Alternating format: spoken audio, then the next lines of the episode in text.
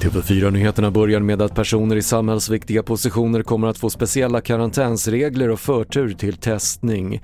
Det är en av de nya regler som kommer att presenteras idag uppger MSB för Aftonbladet, men det är inte klarlagt exakt vilka grupper som omfattas. Snö, kraftig blåst och nedfallna träd har ställt till problem på vägarna och orsakat flera strömavbrott i Svealand och Götaland. Även tågtrafiken påverkades och stoppades förbi Norrköping efter att två elledningar blåst ihop igår kväll. Internationella Röda Korset i Schweiz har drabbats av en hackerattack och hackarna ska ha kommit över personlig information om över en halv miljon människor varav många flytt från konflikter.